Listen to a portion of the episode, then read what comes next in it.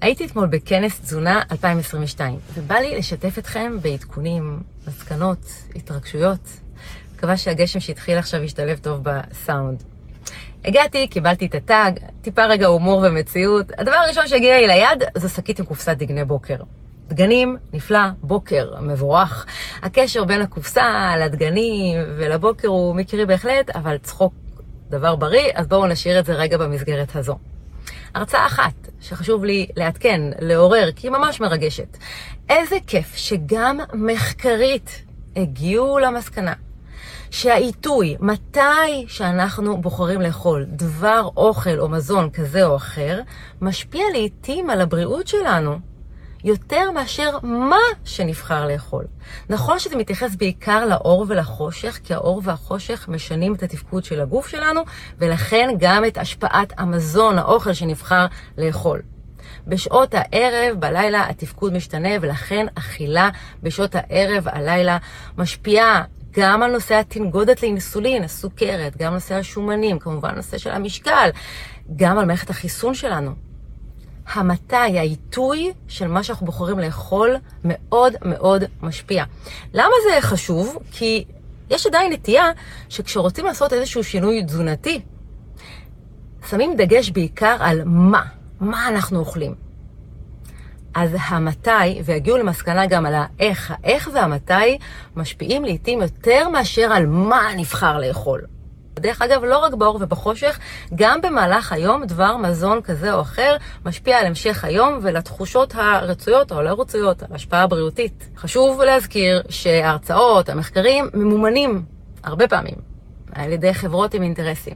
לכן בכלל חשוב לקחת בחשבון שלא לקחת אה, מחקרים או הרצאות כאיזה שהם אקסיומות.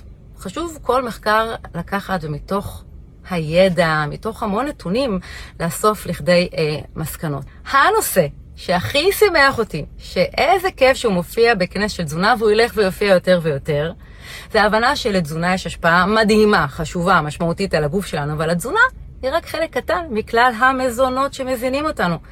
כלל המזונות נקרא להם בצורה מאוד מאוד מאוד כללית תודעה. אז דובר על כל מיני שיטות, מיינדפולנס, NLP, CBT, FBI, לא משנה. עצם ההבנה שהתזונה היא חלק מכלל המזונות שמזינים ומשפיעים, אחת כמה וכמה שאנחנו חווים היום, בימינו, בשנים האחרונות, את הנזקים של הדיאטות ששינו דפוסי התנהגות מתוך שינוי והשפעה על התודעה. כל נושא השליטה וההגבלות וההימנעות שמבינים שהיום משנים דפוסי התנהגות, התנהלות, ואיך אנחנו משפיעים חזרה לטובה בחיבור הרצוי במערכת היחסים גוף, נפש, מזון. טוב, הנושא הזה כל כך כל כך בוער בי. אפשר כמובן לקרוא את הספר לא משמינים מאוכל, או לחוות את הדרך של תודעה מזינה. אבל המסר החשוב הוא, מי מכם שמרגיש תסכול, שלא מצליח, מצליחה, לעשות שינוי תזונתי, שבתחושה אתם פועלים כנגדכם, או מצליחים רק לתקופות קצרות, לא, לא מצליחים ליצור התמדה. זה בסדר גמור. הנה, הם מבינים יותר ויותר שהתזונה רק חלק קטן מהמזון שלנו. וכל החיבור עם התודעה, עם ההאזנה דרך התודעה בדרכים שונות, דרך המחשבות, האמונות, ההגדרות, המילים, כל מיני דרכים שמשפיעים על מה שאנחנו בוחרים לאכול ועל איכות חיינו. אז השילוב הזה בין תזונה ותודעה הולך ועולה יותר ויותר למודעות, וזה מבורך. וכמובן, כמו שאמרתי, מבורך שפחות דובר על קלוריות, פחות דובר על נושא הדיאטות והקשר למשקל. גם נושא ה-body positivity יופיע בכנס, נושא משמעותי, חשוב. לגישתי עושים טעות בחיבור בין body לפוזיטיביטי, פחות או יותר כמו הטעות שעשו לפני שנים כשחיברו את המילה דיאטה, שמסמלת אורח חיים, למשקל. אבל מה הקשר ואיך אנחנו באמת מרוויחים את החיוביות, את האיזון, את הקבלה העצמית, ואני אסביר בהזדמנות בסרטון לחוד.